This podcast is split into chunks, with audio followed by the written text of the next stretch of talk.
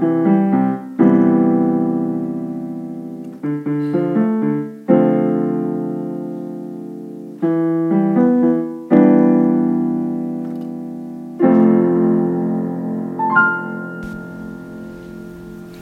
semua, balik lagi di Bukan Podcast, Buka Pikiran bareng aku Anat Dan aku sekarang sendiri aja.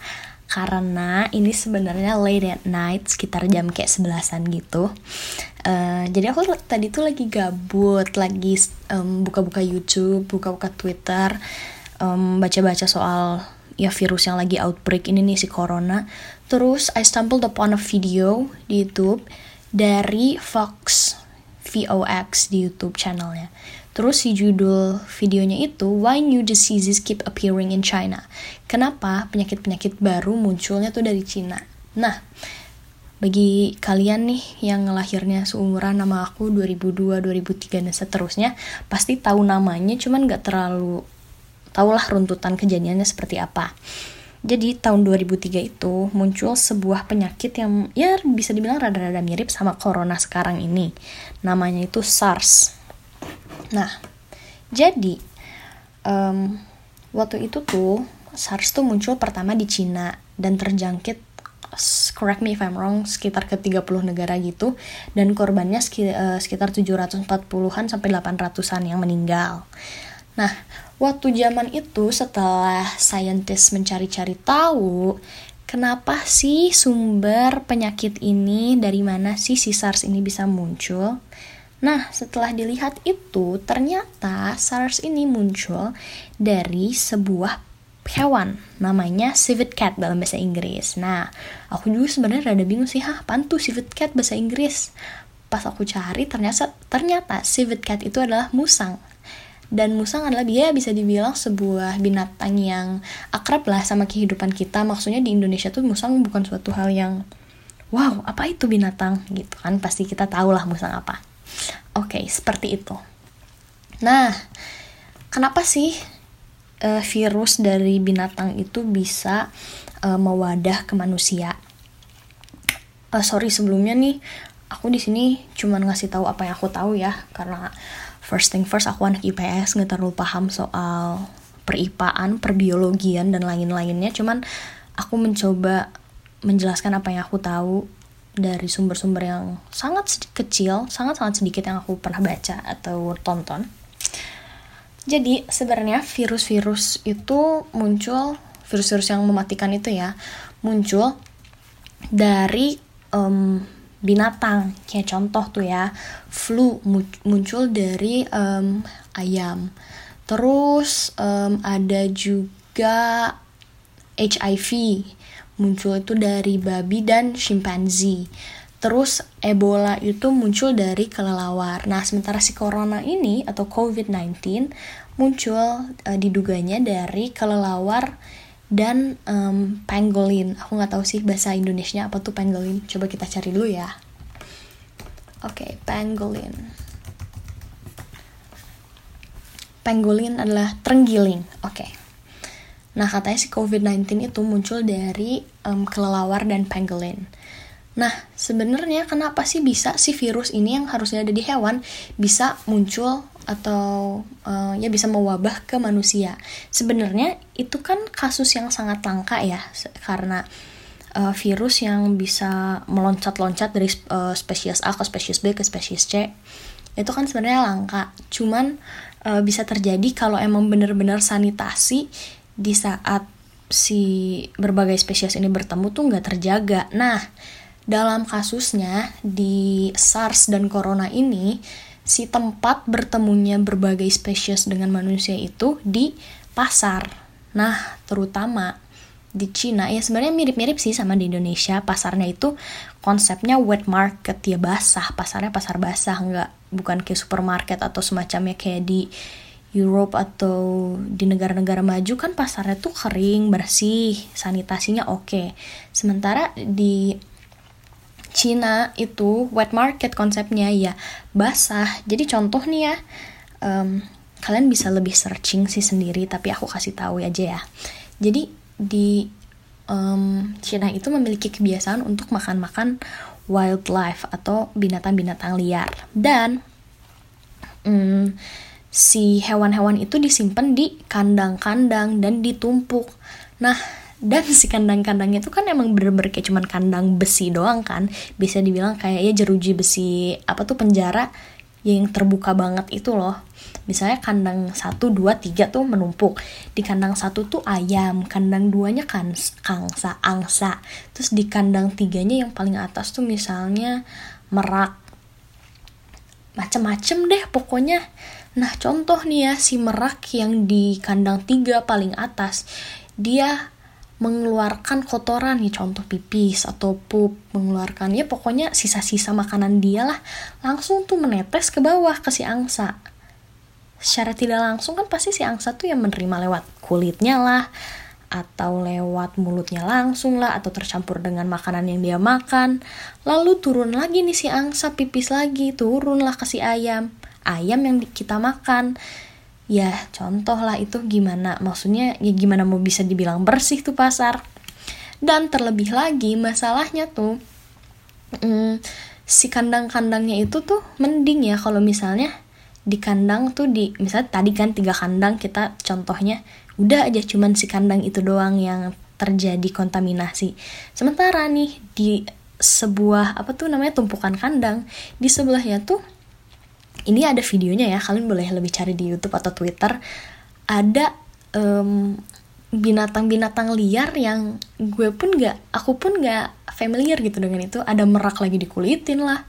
Lalu ada juga um, ayam mungkin ya yang rada normal sedikit lagi dipotong. Dan itu benar-benar udah udah mata tadi tuh si kandang yang ditumpuk tuh banyak feses dan kotoran dari binatang. Lalu ada darah dari binatang yang baru di membunuh baru dikulitin lalu ada binatang seperti kelelawar yang baru saja direbus dan diangkat lalu terjadi transaksi antara manusia dimasukin ke, ke kresek lalu lewat uang dan segala macem. Lalu ada anak kecil yang bersin ada anak kecil yang megang ke jalanan aspal dan lain-lain. Itulah kenapa sanitasi dari si pasar itu benar-benar nggak terjaga. Oke di Indonesia um, sebenarnya di luar Pulau Jawa pun ada kebiasaan memakan makanan liar. Cuman setidaknya di Pulau Jawa tuh kan nggak um, familiar ya kita dengan um, pasar yang makan makanan liar. Ini kan pasarnya ya normal-normal aja, maksudnya makannya ayam dan lain-lain. Walaupun itu nggak bisa dijadiin alasan, walaupun kita makannya cuman ayam, ya maksudnya cuman beberapa varietas binatang, tetap aja sanitasi itu perlu banget wet market itu perlu banget kita um, lebih consider lah kebersihannya. Seperti itu. Jadi kenapa sih virus dari hewan bisa menyebar ke manusia? Nah, tapi kenapa sih si orang Cina ini atau masyarakat dan bangsa Cina ini memiliki kebiasaan untuk uh, mengonsumsi makanan eh sorry mengonsumsi hewan liar. Jadi sebenarnya ceritanya itu balik ke tahun sekitar tahun ya 1970 1980-an. Jadi dulu kan e, negara Cina itu kan e, po, sistem e, menggunakan sistem politik komunis ya. Di mana itu benar-benar banget e, apa namanya? benar-benar banget makanan legal itu ditentukan oleh si pemerintah karena memang lebih ke otoriter kan si sistem politiknya. Nah, udah gitu waktu tahun 1970-an kalau nggak salah, correct me if I'm wrong lagi, um, terjadi kami bukan kemiskinan apa sorry kelaparan. Apa tuh bahasa Indonesia nya ya pokoknya terjadi apa sih namanya? Aduh sorry lupa banget. Pokoknya mah terjadi lapar yang massal seperti itu. Karena contoh nih ya si komuni uh, sorry pemerintah komunis Cina hanya melegalkan contoh nih lima jenis makanan misalnya ayam jagung terus um, kentang terus misalnya sapi uh, dan lain-lain. Lima doang kan tadi gue bilang ya. Pokoknya satu lagi misalnya ya kita bilang kelinci lah ya nah Lalu karena cuma 5 makanan doang yang dilegalin, si penduduk Cina tuh kan banyak banget. Sementara cuman bisa mengonsumsi ya istilahnya yang orang-orang umum orang-orang masyarakat tahu yang bisa kita makan tuh cuma lima bahan ini nih. Ya pasti kan terjadi um, kejomplangan antara supply dan demand.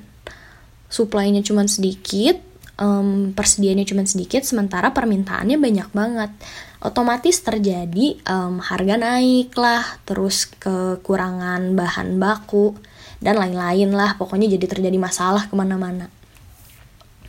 Terus si famine ini kelaparan besar ini um, menewaskan sekitar 36 juta masyarakat Cina. Nah akhirnya si rezim komunis ini melegalkan untuk masyarakat Cina melakukan um, peternakan pribadi peternakan independen gitulah secara independen untuk mereka mengelola sendiri. Karena sebelumnya kan benar-benar food production produksi makanan itu diaturnya sama pemerintah.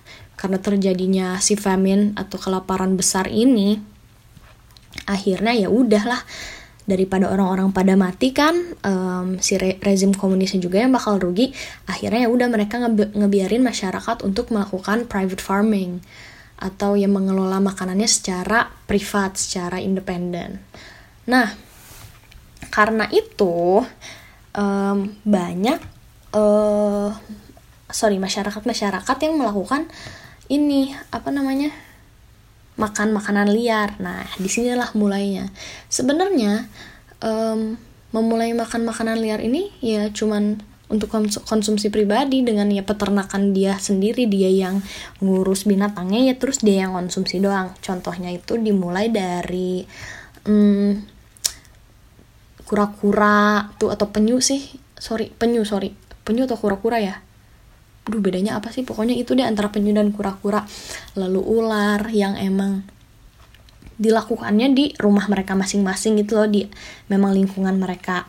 Nah karena banyak nih si petani-petani kecil yang melakukan uh, jual budidaya dan menjual dan memakan penyu lalu ular ya jadilah sebuah kebiasaan.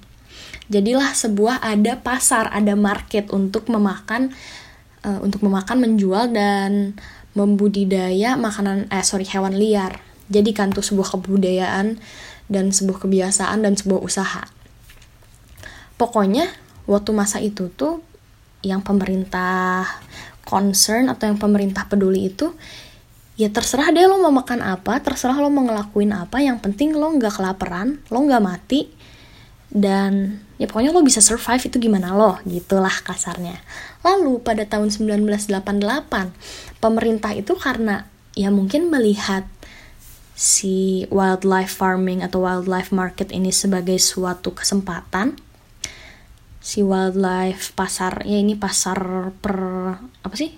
Pasar hewan liar ini sebagai suatu kesempatan atau ya suatu lowongan ekonomi mereka menjadikan um, wildlife animals ini diproteksi tapi dengan mengeluarkannya undang-undang ini bukan cuman memproteksi uh, hewan-hewan liar, tapi menjadikan si hewan-hewan liar ini sebagai sumber daya alam.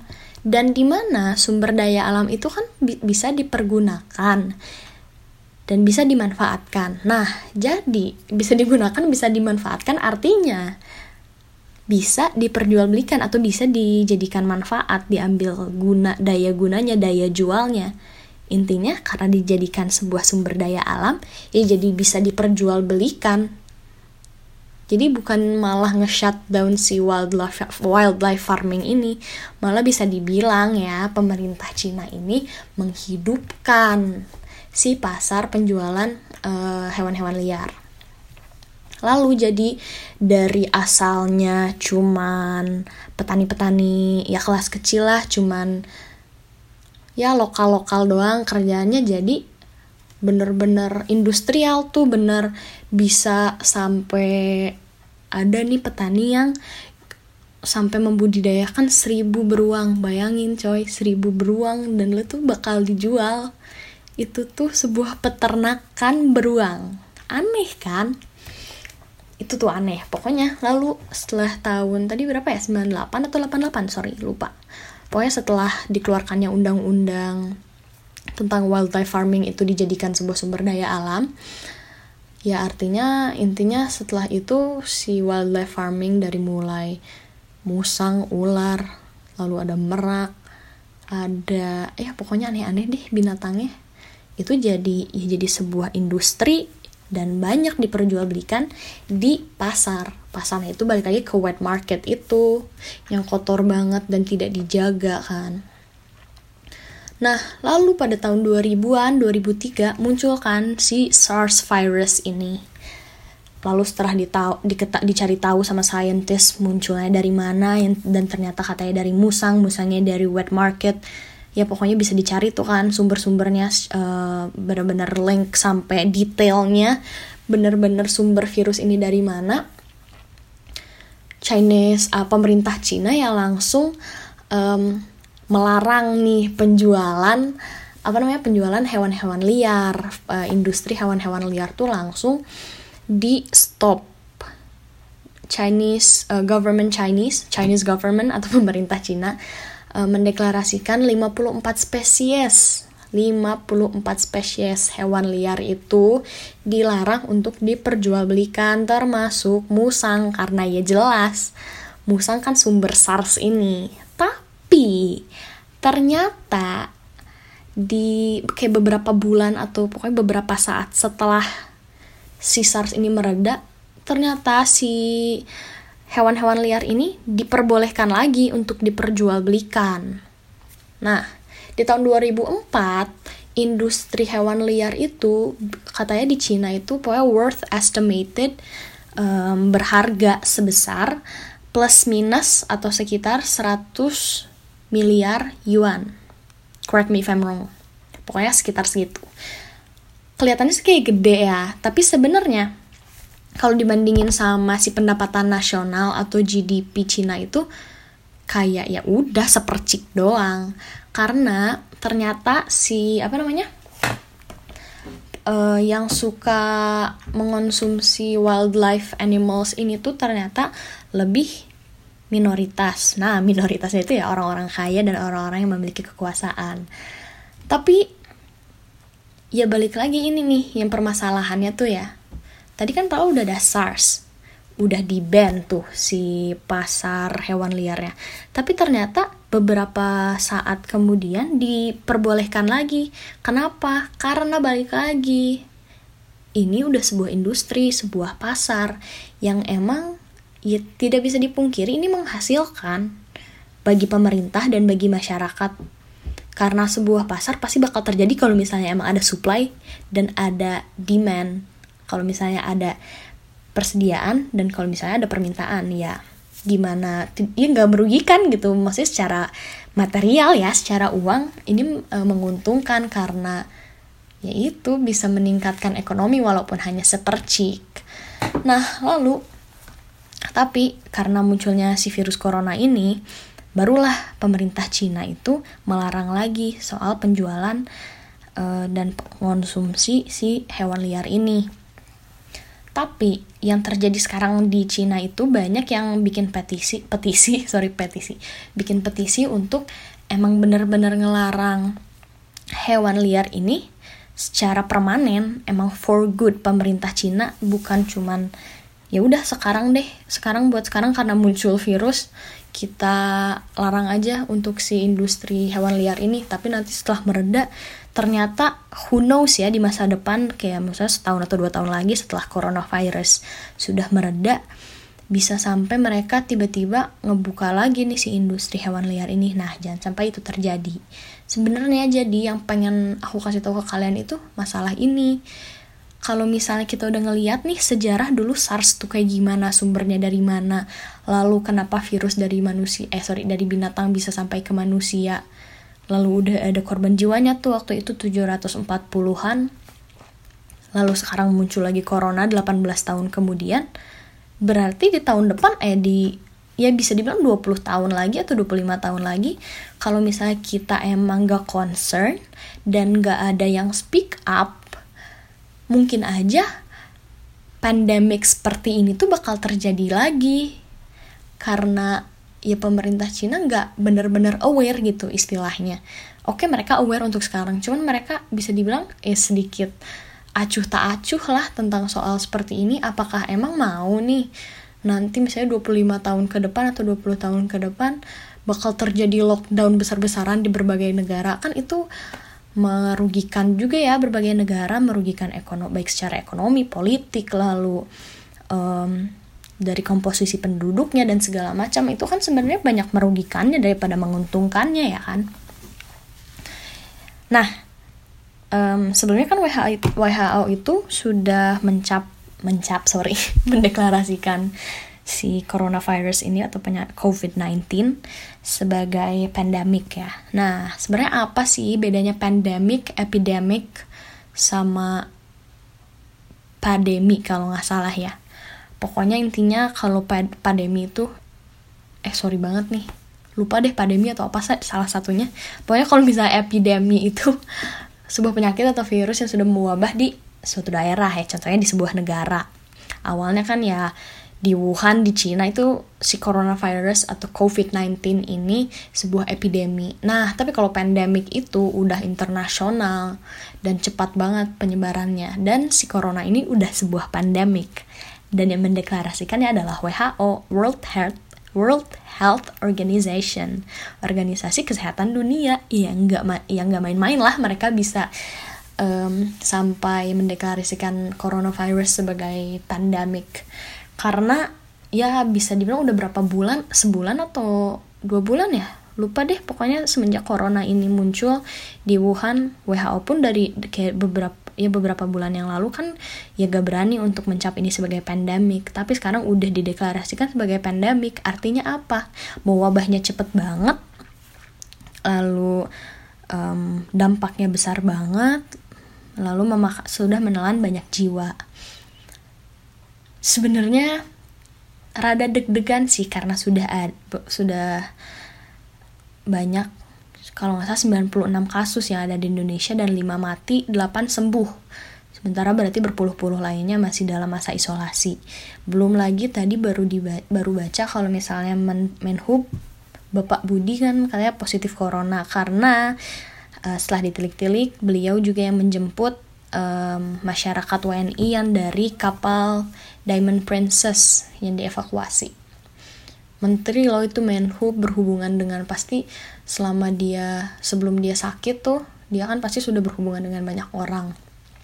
Ya walaupun sebenarnya kembali lagi ke imun tubuh masing-masing lalu ya bisa juga karena bantuan doa bantuan dari memang mukjizat Tuhan dan lain-lain. Cuman perlu ya dipikirkan secara realistis juga kita harus jaga jarak dari orang lu harus jaga kebersihan dan jaga imun tubuh. Karena yang penting kan sebenarnya si virus ini kalau misalnya kena ke tubuh kita pun kita mungkin aja sembuh kan. Dan yang penting jadi kita harus menjaga pertamanya tuh menjaga imun tubuh kita. Banyak doa banyak menjaga kebersihan dan sebagainya yang bisa kalian lebih cari tuh sistem atau panduan-panduan kaidah-kaidah menjaga kebersihannya seperti apa di sumber lain yang lebih akurat karena saya tidak akurat. Pokoknya itu. Tujuan aku mau menginformasikan soal ini tuh ya itu kita harus aware soal karena core problemnya itu atau masalah intinya itu soal si kebersihan pasar lalu um, pemilihan makanan yang ya berhati-hatilah maksudnya untuk makanan-makanan langka tuh kan masa sih harus dimakan. Nggak perlu juga. Atau mungkin bagi kalian yang vegan tuh berarti kan tidak mengonsumsi uh, makanan dari zat-zat hewani. Itu jadi lebih bersih dan lebih sehat. Seperti itu. Jadi kita harus lebih aware kalau misalnya nih kayak si coronavirus ini. Emang oke okay sih bikin kita panik tapi jangan sampai kita panik for no reasons gitu. Misalnya kita panik ah aku takut kena corona aku bla bla bla segala macam. Oke okay, takut cuman ya tinggal disikapinya dengan baik aja dengan tenang lalu menjaga dirinya jadi lebih benar aja. Dan harus tahu juga sumbernya dari mana lalu core problemnya apa supaya jangan sampai nanti kita udah tua eh muncul lagi nih penyakit semacam ini kan meribetkan kita juga ya. Jadi selain dari kita menjaga fisik kita kita juga harus lebih bukan buka pikiran. Untuk lebih tahu nih kalau misalnya ada masalah-masalah tuh sumbernya dari mana sih? Lalu supaya masalah seperti ini tidak terjadi lagi tuh seperti apa? Seperti itu guys. Semoga episode kali ini cukup informatif buat kalian. Semoga kalian bisa mengambil pesan yang memang mau disampaikan oleh aku. Sorry, maaf banget kalau misalnya banyak informasi-informasi salah. Kalian perlu cross check lagi soal misalnya informasi-informasi atau poin-poin yang nempel nih dari uh, dari yang tadi udah aku omongin, coba tolong cross check aja lagi supaya ngecek tuh apakah itu bener atau enggak. Lalu dipelajari lagi lebih dalam. Seperti itu. Terima kasih. Thanks guys for listening. Uh, ditunggu lagi di episode selanjutnya. Dengan aku Anat. Sampai jumpa. Bye.